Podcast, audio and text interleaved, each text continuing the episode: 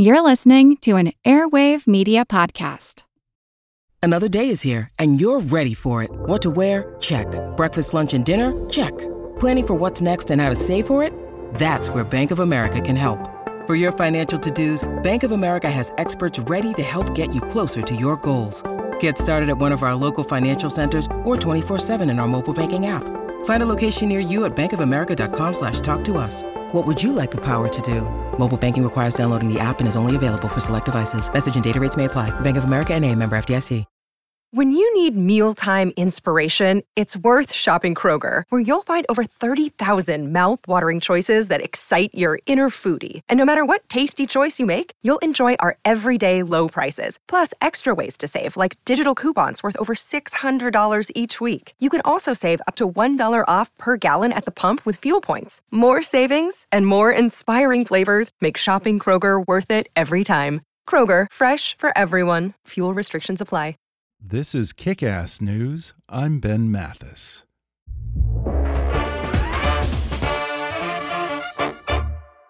No one compliments you when your paycheck is correct, but make one mistake and you risk alienating your entire workforce. Kronos makes sure your payroll is done right the first time from punch to paycheck. With embedded checklists and simplified workflows, Kronos is your single source of truth.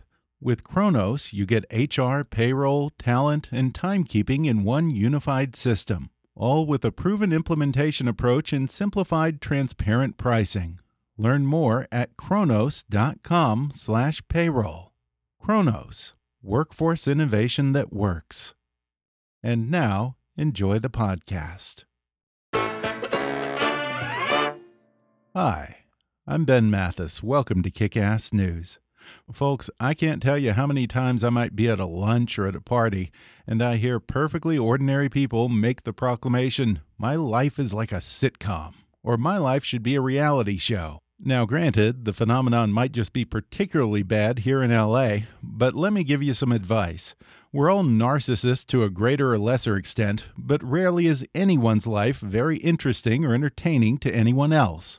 Having said that, my guest today just might be an exception. Whether she's getting walked in on in her underwear by John Kerry or nearly pooping her pants in front of the Pope, Alyssa Mastromonaco has had more than her share of adventures, gaffes, and predicaments during her time in the Obama White House. But it's Alyssa's ability to laugh at herself and talk about serious issues without taking herself too seriously that has endeared her to many people, regardless of their political stripe. Having served as assistant to the president, director of scheduling in advance, and deputy chief of staff for operations to President Obama, Alyssa was once named one of Washington's most powerful, least famous people. And now she writes about her adventures, accomplishments, and lessons learned in a new book titled So Here's the Thing Notes on Growing Up, Getting Older, and Trusting Your Gut. And today, Alyssa Mastromonaco joins me on the show to talk about starting conga lines at diplomatic events and getting down on the dance floor with Michelle Obama, impersonating a hedgehog for President Obama, and why it's hard to say no when the leader of the free world tries to play matchmaker.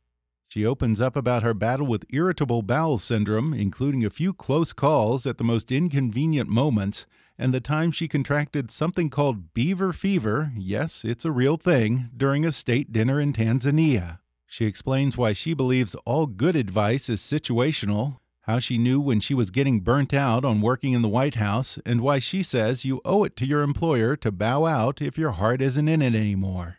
She reveals all the care and protocol that went into every foreign trip she planned for President Obama and why it was more than a little disheartening to watch President Trump bungle his way through a hastily thrown together North Korea summit. She also says Trump's use of a personal iPhone is a major security risk, especially while traveling.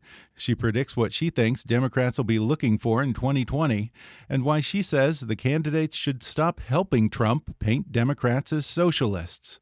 All that and more coming up with Alyssa Mastromonaco in just a moment.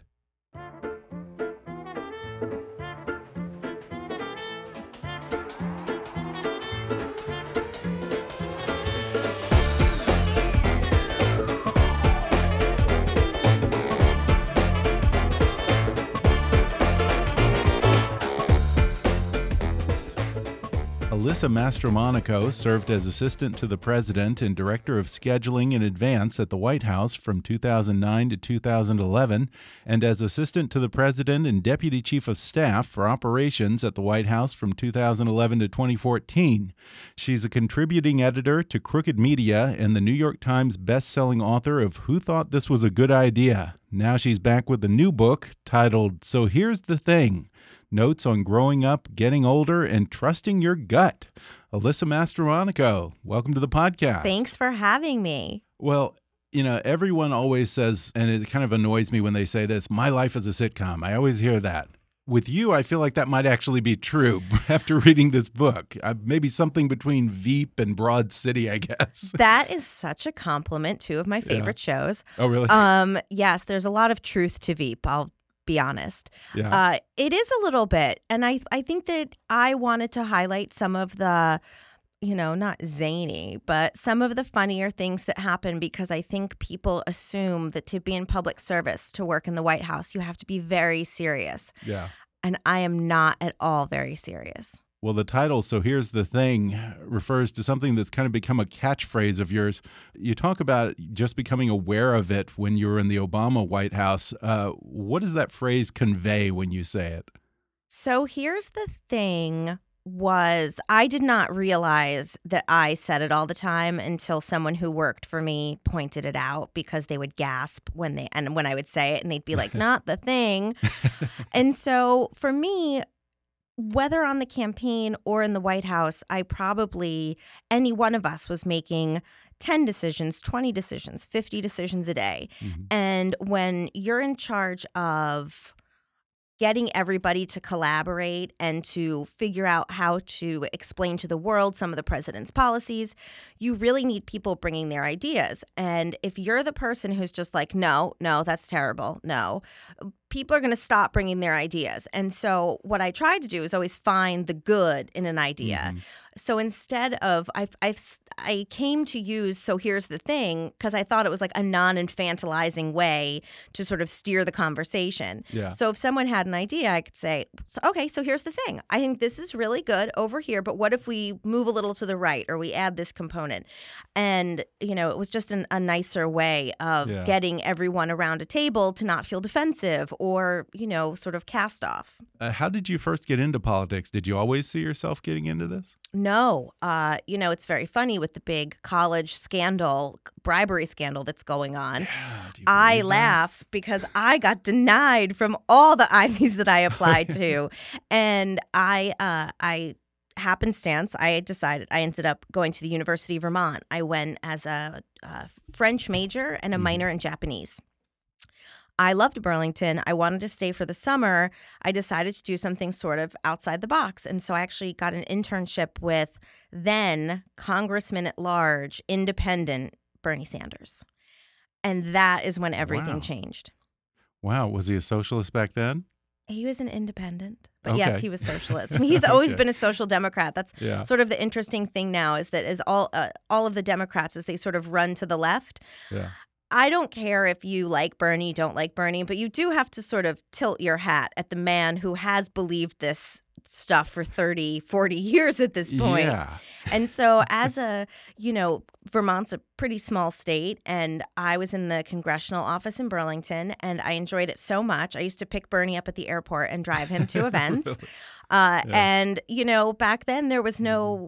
Twitter, there was no social media. So I would have to read all of the local newspapers, all the Vermont newspapers, and the New York Times so that I could, you know, converse with him when we were in the car. And he expected that of me, yeah. which I thought was cool. I was like, oh, he's not treating me like a child. I'm like very important.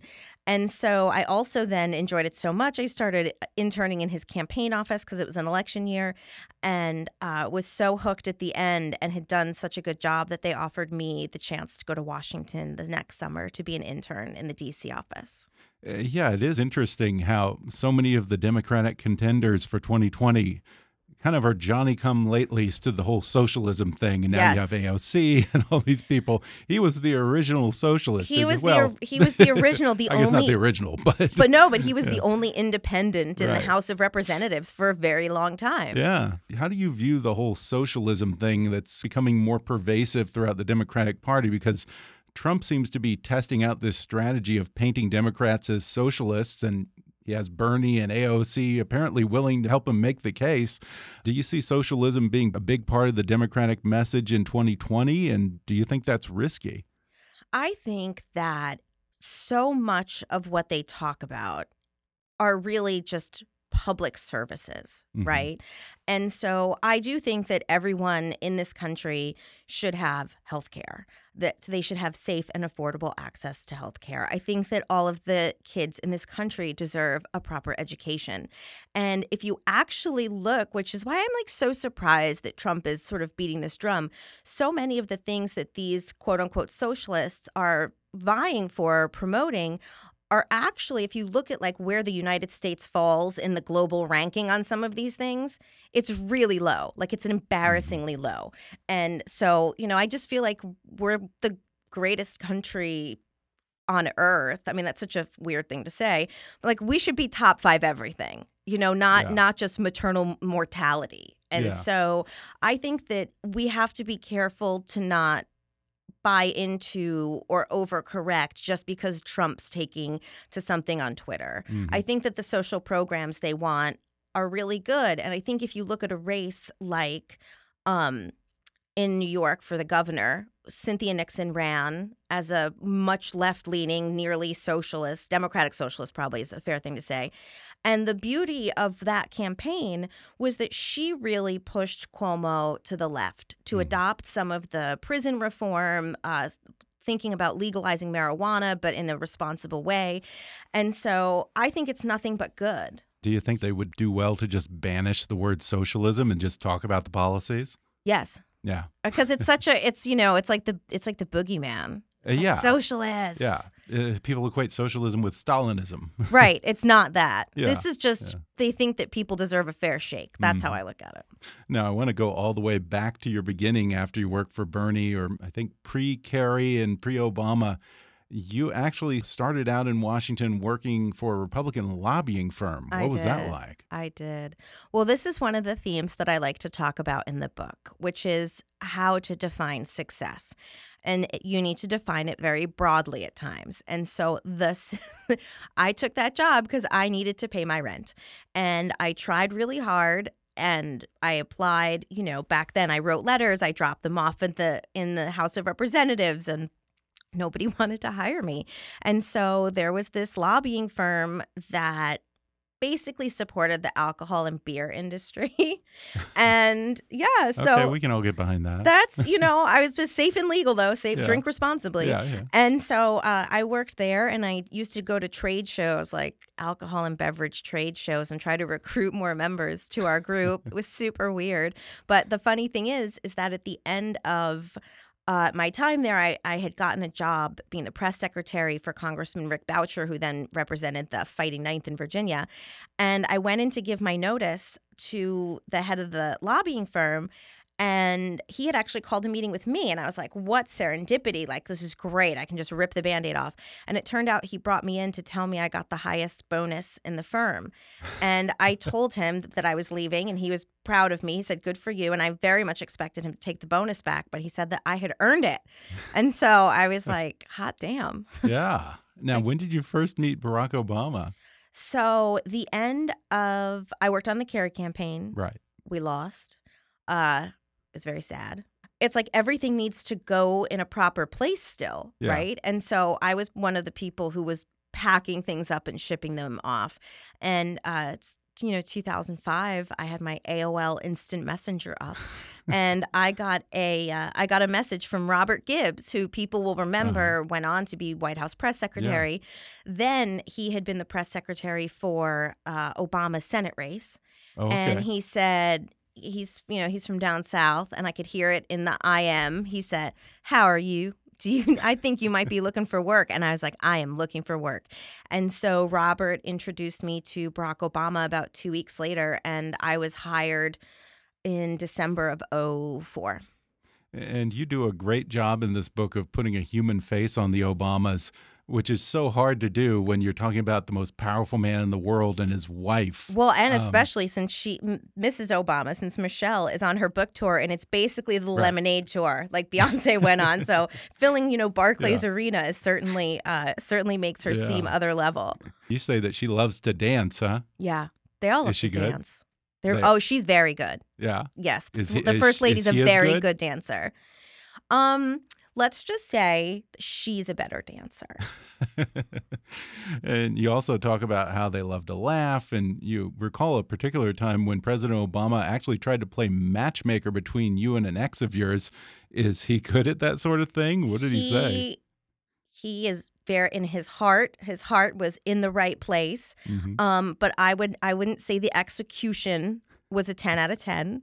Um, he just thought that, you know, we had been together for a long time and we broke up and he this ex of mine had sort of decided that he maybe was still in love with me. And so they would talk about it when they traveled. and so we were in, I think we were in Miami. And then Senator Obama, Barack says, get in the car, come with me. And so in the car, he said, This is foolish. You should just get back together. And I was like, Oh my God, I've te- spent like five years trying to get over this. I can't get back in it. But uh, but he always he he played match. He tried to play matchmaker with me quite a few times, Oh, which really? I always appreciated. Well, you know, he had a wonderful home life, and he wanted us to have wonderful home lives. Yeah. And so, uh, yeah, there were quite a few times when he would like try to set me up. Uh, how many times during that time at the White House did you make Barack Obama laugh or maybe even get an eye roll? Oh, I would get eye rolls a lot. I mean, Yeah. mostly because, you know, when you're traveling so much and you're on 20 hours a day, a lot of times people I had been around the longest, right? Of most of the people who would travel on the road. I had I had been around since December of 04. And so if like the Secret Service would come downstairs. I mean, it's it's well known Barack Obama's not a morning person. It's not his favorite time of day because he stays up very late reading. And so eh, when the Secret Service would come down and we'd be like, "How's the mood?" Um, and if they were like, "Er, uh, "It could be better," so I would I would kind of turn it on. I'd be like, "Good morning," and sometimes I would annoy him. But there's one sort of famous picture that Pete Souza took where we were going someplace early in the morning, and the president came in, and all the guys were like, "Alyssa, like put him in a good mood," and somehow uh, we talked about these new shoes that I had, which had laces. I never had shoes with laces on.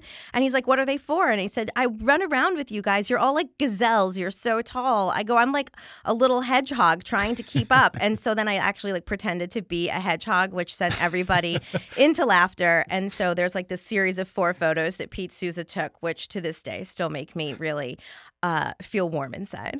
I swear I wouldn't even know how to do a hedgehog impression. I'm not sure what have I did was a hedgehog. I'm not even sure, but it was Okay. funny at the it was funny at 8:30 in the morning. And as part of your job, you got to travel all over the world.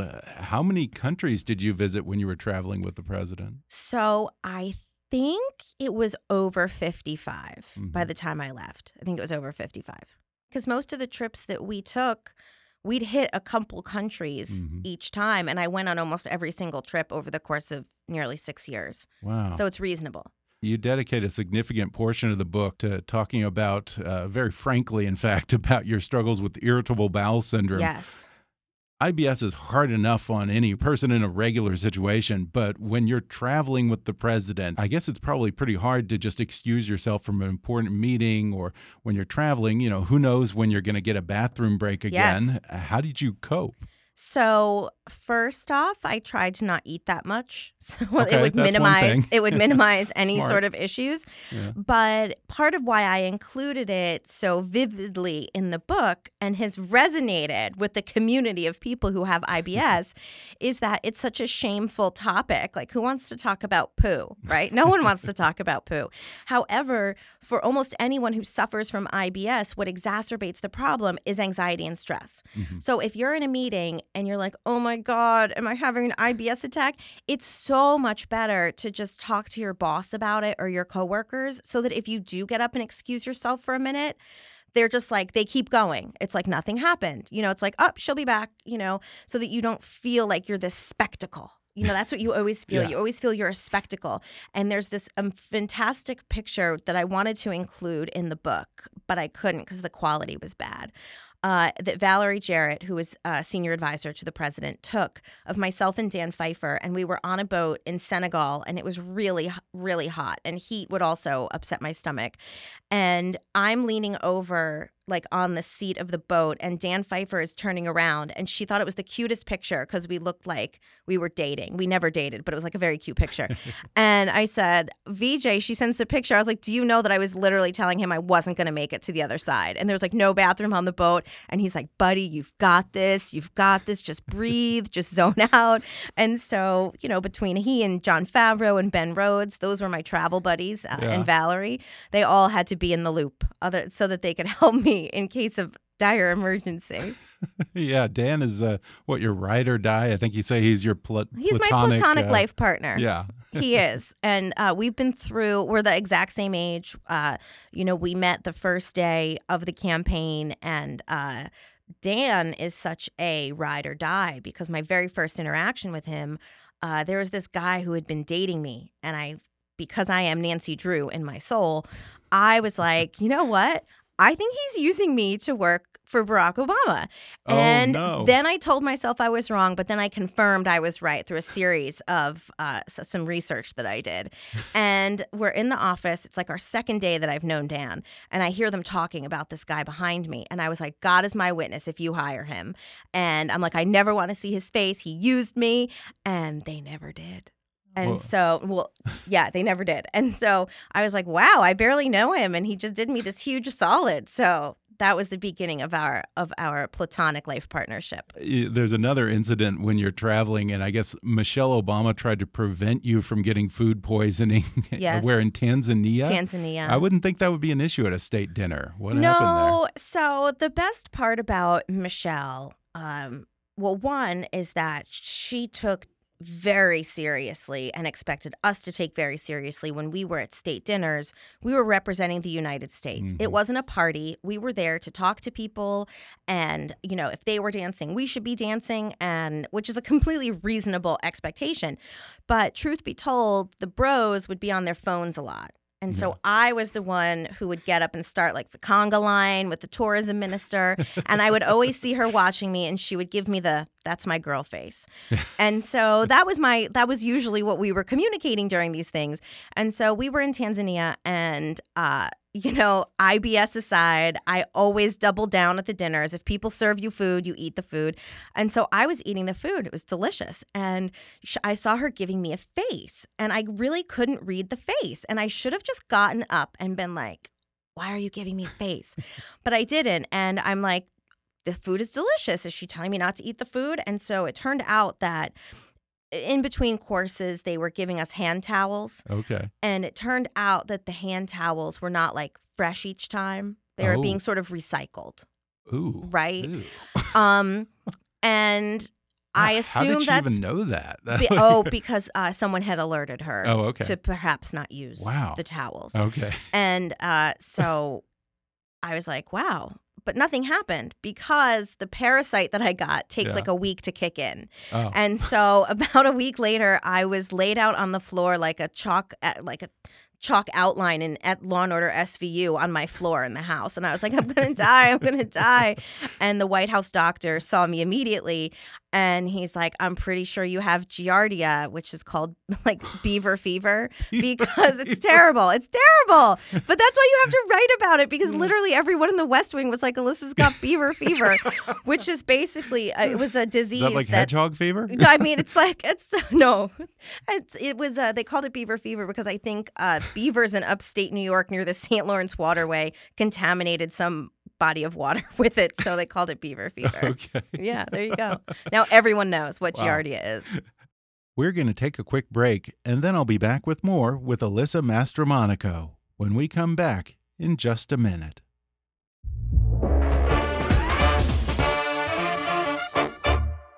If there's something interfering with your happiness or preventing you from achieving your goals, BetterHelp Online Counseling can help.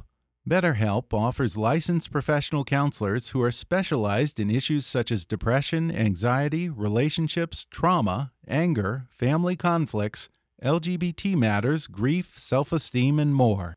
Connect with your professional counselor in a safe and private online environment and get help at your own time and at your own pace. Anything you share is confidential. And it's so convenient, you can schedule secure video or phone sessions as well as chat and text with your therapist. If for some reason you're not happy with your counselor, though, you can request a new one at any time for no additional charge. Best of all, it's a truly affordable option. Kick-Ass News listeners even get 10% off your first month with the discount code KICK. So why not get started today?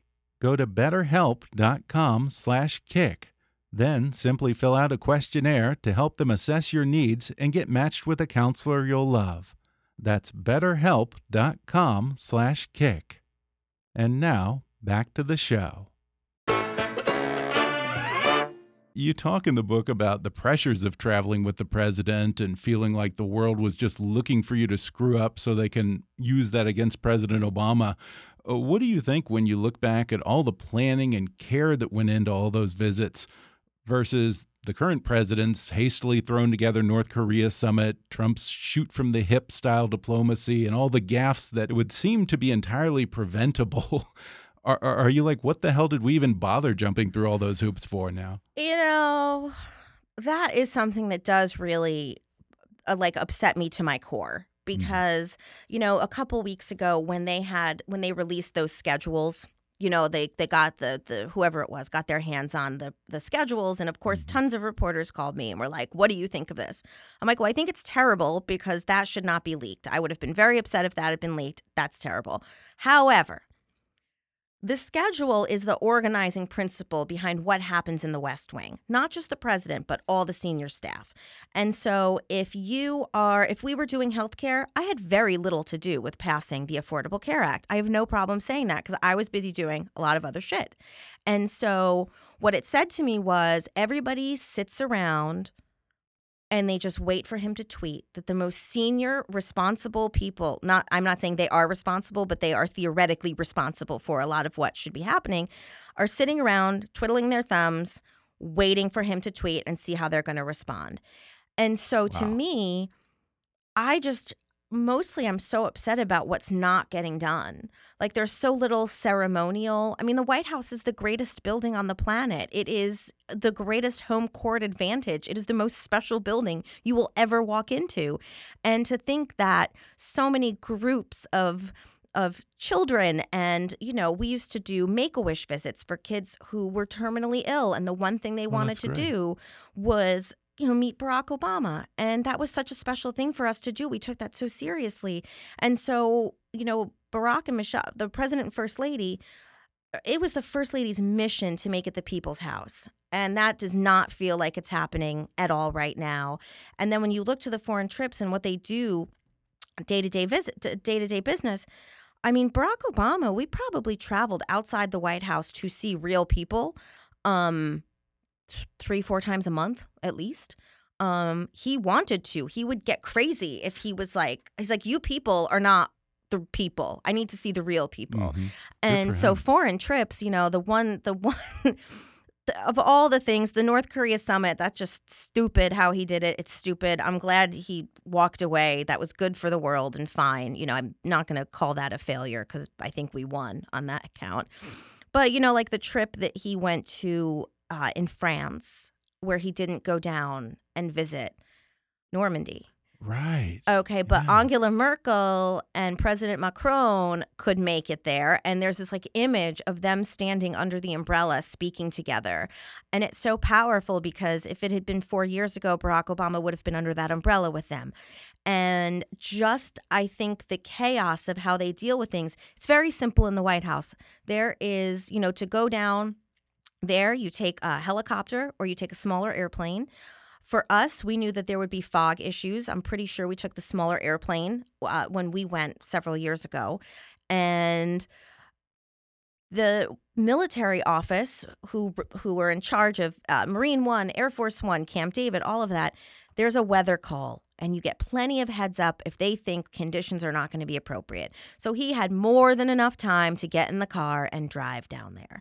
And the sort of Yeah. ridiculousness of him sitting in a hotel room, you know, with, with Right. the greatest generation who are not going to be around much longer. Right, right. And so to me that was Yeah. just I was like to me that was the that was the execution of a team Yeah. of the gang that can't shoot straight. Uh, yeah, but you compare that with you know these crazy stories of his insistence on going to the DMZ when he was in South Korea, Yeah. and how you know everyone was warning that the conditions weren't right to fly there. There was too much fog, Right. and he just insisted that they barrel Right, like, through that's and not risk right either. lives. My favorite though is when he complained uh, at that loony uh, CPAC speech that he gave about going to Iraq and how they had to turn all the lights off and you know seven billion dollar operation. It's like that doesn't that is not at all why the lights are off. The lights are off so people can't track you. That's why the Yeah. plane goes dark. You lunatic! Like Yeah. like that's the Well, he, stuff. he I mean, said he wanted simpler planes, didn't he? oh yeah, he did.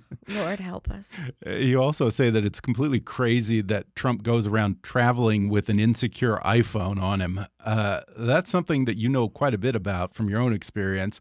Talk a little bit about the kind of security procedures that you had to go through when you were traveling with the So president. I will stipulate that I left the White House before we got iPhones. So I was the era of the BlackBerry, and uh, Blackberries were fairly easy to secure. Mhm. Um, so in most in several countries we would be advised to leave our personal devices on air force one and not even take them in country and we would take our blackberries because the blackberries could be scanned they were always Okay. scanned to make sure that they had not been sort of you know breached in any way and there were plenty of times when people's phones came back and they had to be wiped because they had been breached no kidding. and so the fact that he's just walking around saying whatever he's saying on the phone and you know the bigger issue the the the non-secure cell phone uh, you know iPhone is bad.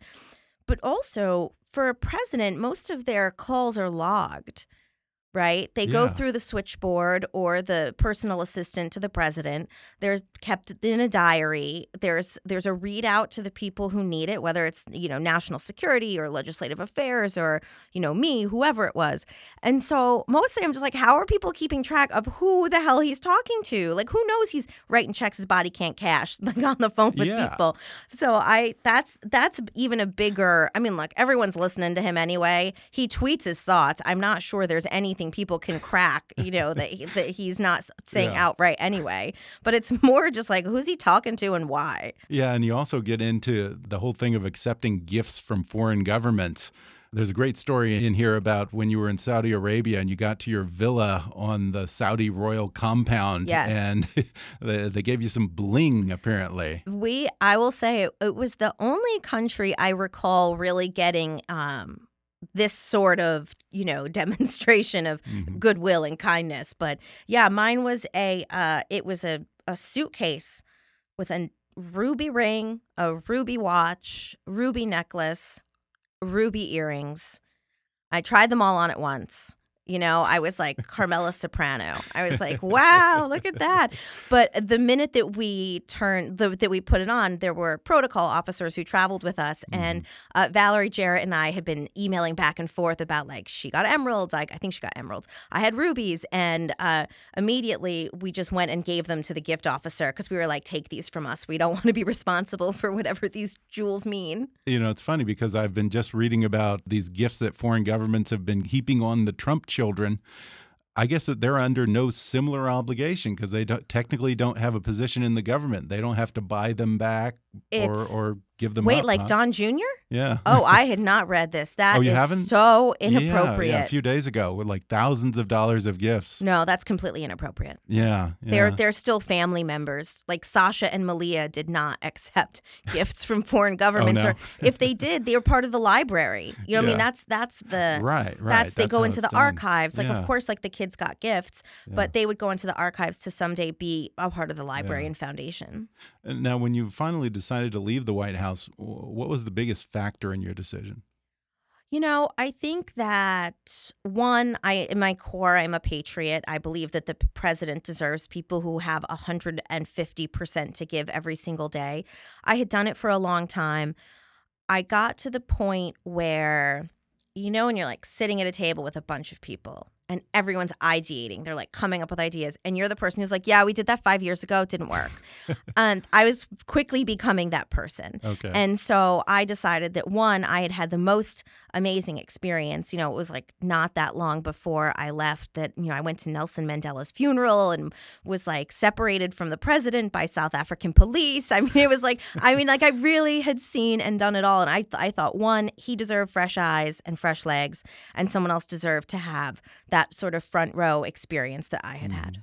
And after you left the White House, you worked at Vice, and then I think at the A and E Network. Yes. Uh, what was it like going back into the private sector? Did it feel like a lot had changed? It it felt um I I realize now that my I need to be mission driven.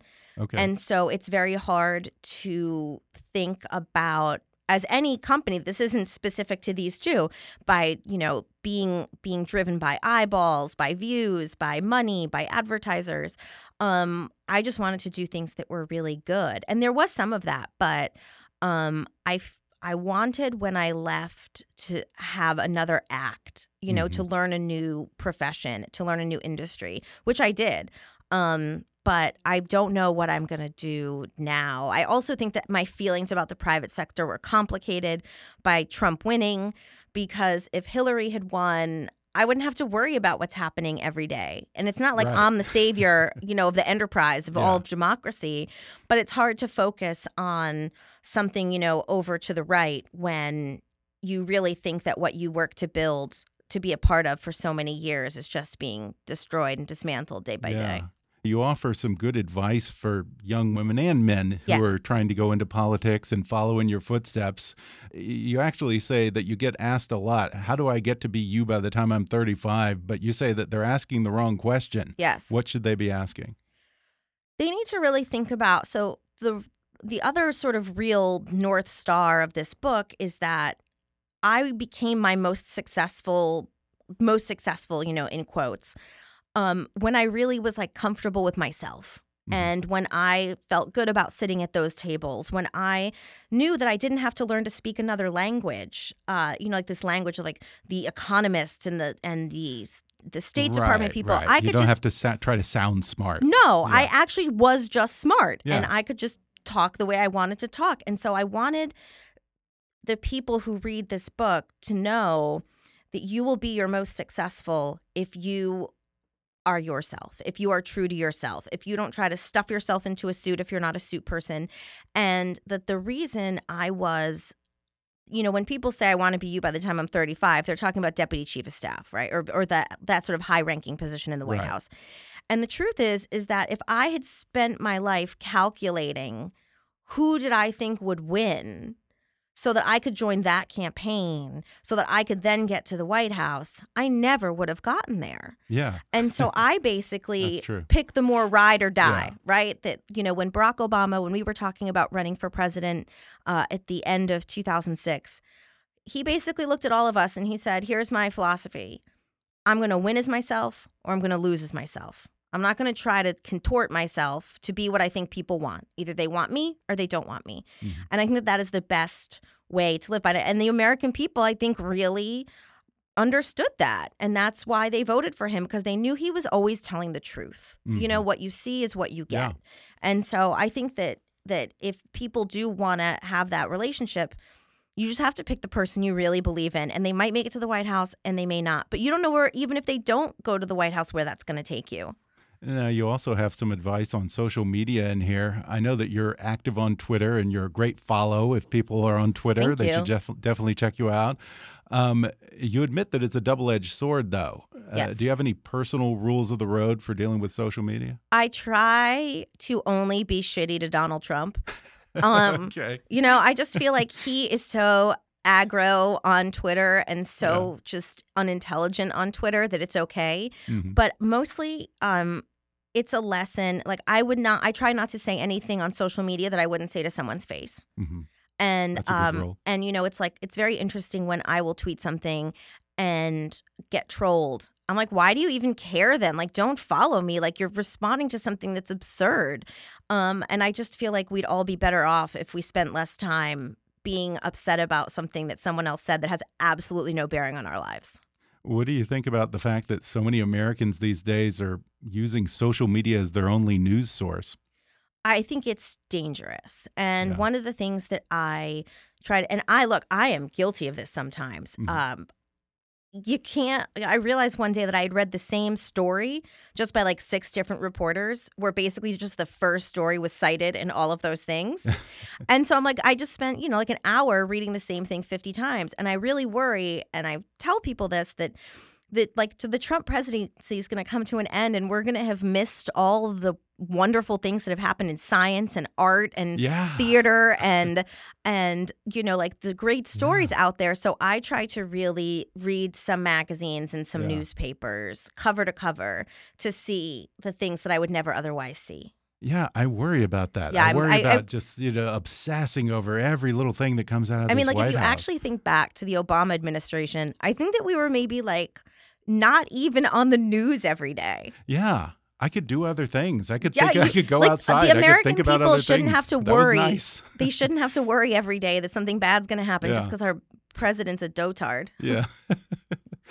and I think you say that you bring up articles these days and you can actually tell when people only read the headlines. yes It just seems like no one has the attention span for a two page article anymore. Well, it's ju- the people don't have the attention span, but then also the the media outlets want the click, and Mhm. so they do the sort of salacious Yeah. or leading Yeah. title. And look, I've done it, but I I of course I've done it where I've you know responded to something based on the title, and there's sometimes I've been real wrong. Mhm. And there were times when, you know, uh, I had done a, a podcast on Crooked Media, and Erin Gloria Ryan and I were talking about Bernie, and we were just being attacked about like supporting Bernie. We're like, that's not at all what we were talking about. And so, you know, I try to, I try to, when people do that, just reply and be like, actually, that's not what I was talking about. Here's what we were saying at minute two point, you know, two oh six. Yeah. Um, I try to not be too negative about it, and I try to like practice what I preach and Yeah. and really just click on the article, Yeah. just see what it's about. but it's so easy to tweak the outrage machine these days. Yeah, it really is. Now, I have to ask you about 2020. Uh, among the Democrats being Yikes. mentioned, anyone pique your interest more than others? You know, I think that back in 2007, I mean, we were clocking in in the teens. I think in Iowa and New Hampshire, Yeah. uh, the Obama campaign.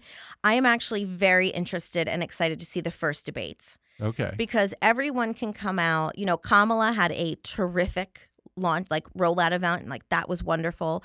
Um, you know, Mayor Pete is uh in he's so thoughtful has such interesting things to say but like you know i want to see what everybody uh, you know beto just got in the race Mhm. today and that'll be really interesting to see like you know how does that affect you know biden getting in or not getting in uh does the momentum from the texas race you, bear out nationally so i think that it's it's uh, i think that we're lucky I think that the, all the depths of perspective are great, but I want to wait and see how the first couple Yeah. of debates go. Yeah, I've heard a lot of talk of a Biden Beto ticket.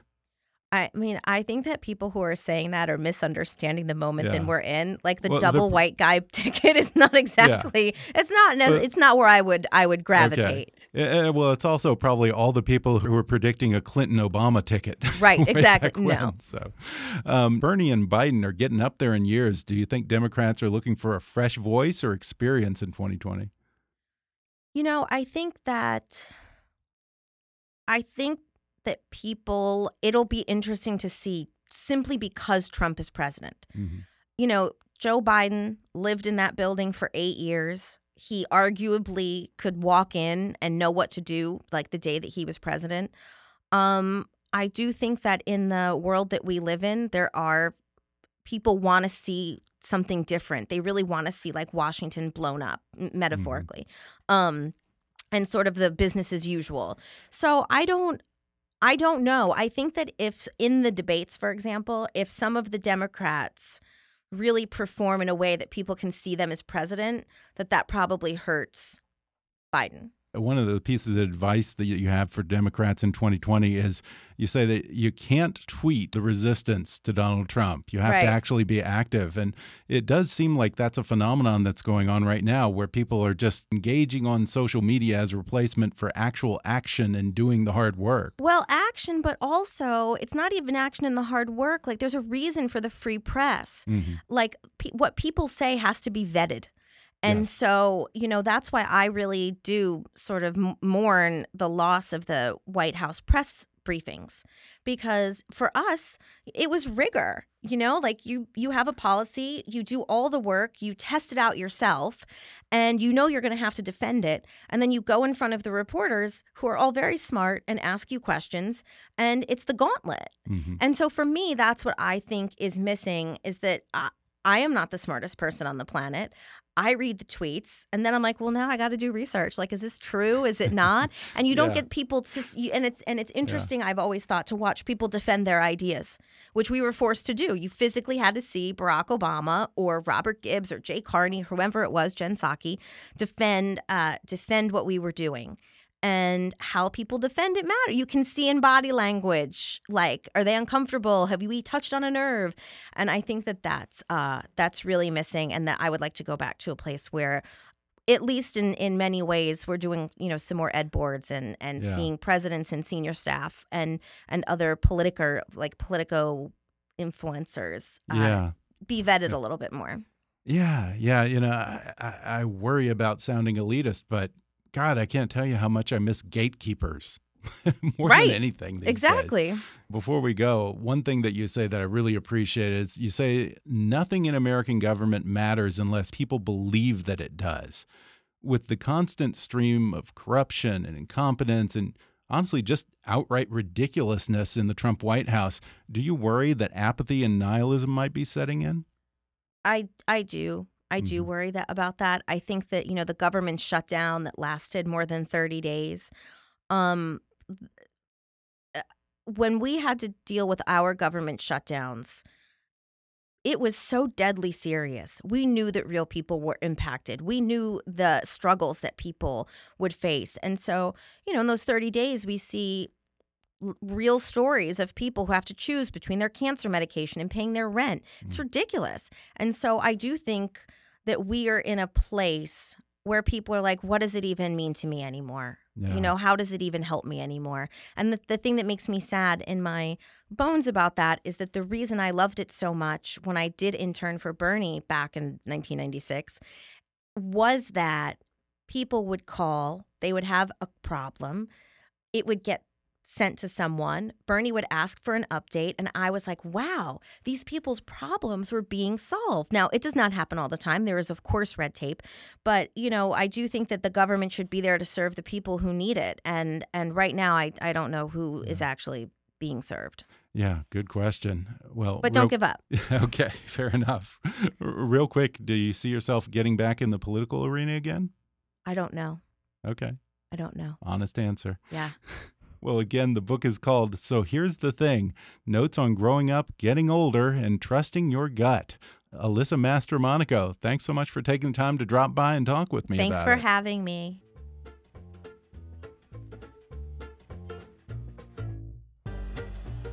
Thanks again to Alyssa Mastromonaco for coming on the podcast. Order her book, So Here's the Thing Notes on Growing Up, Getting Older, and Trusting Your Gut on Amazon, Audible, or wherever books are sold. And follow her on Twitter at, at Alyssa Mastro44.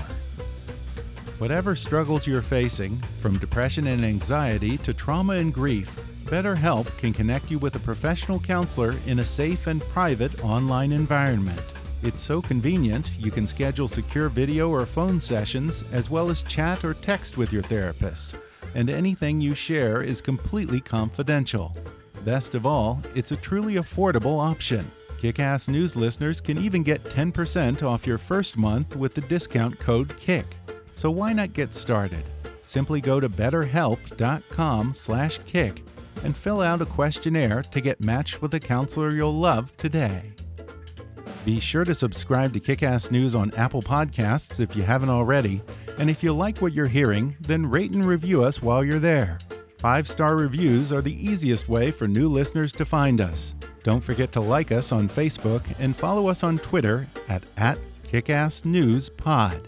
And feel free to email me with your thoughts, questions, and suggestions at comments at kickassnews.com. Until next time, I'm Ben Mathis, and thanks for listening to Kickass News.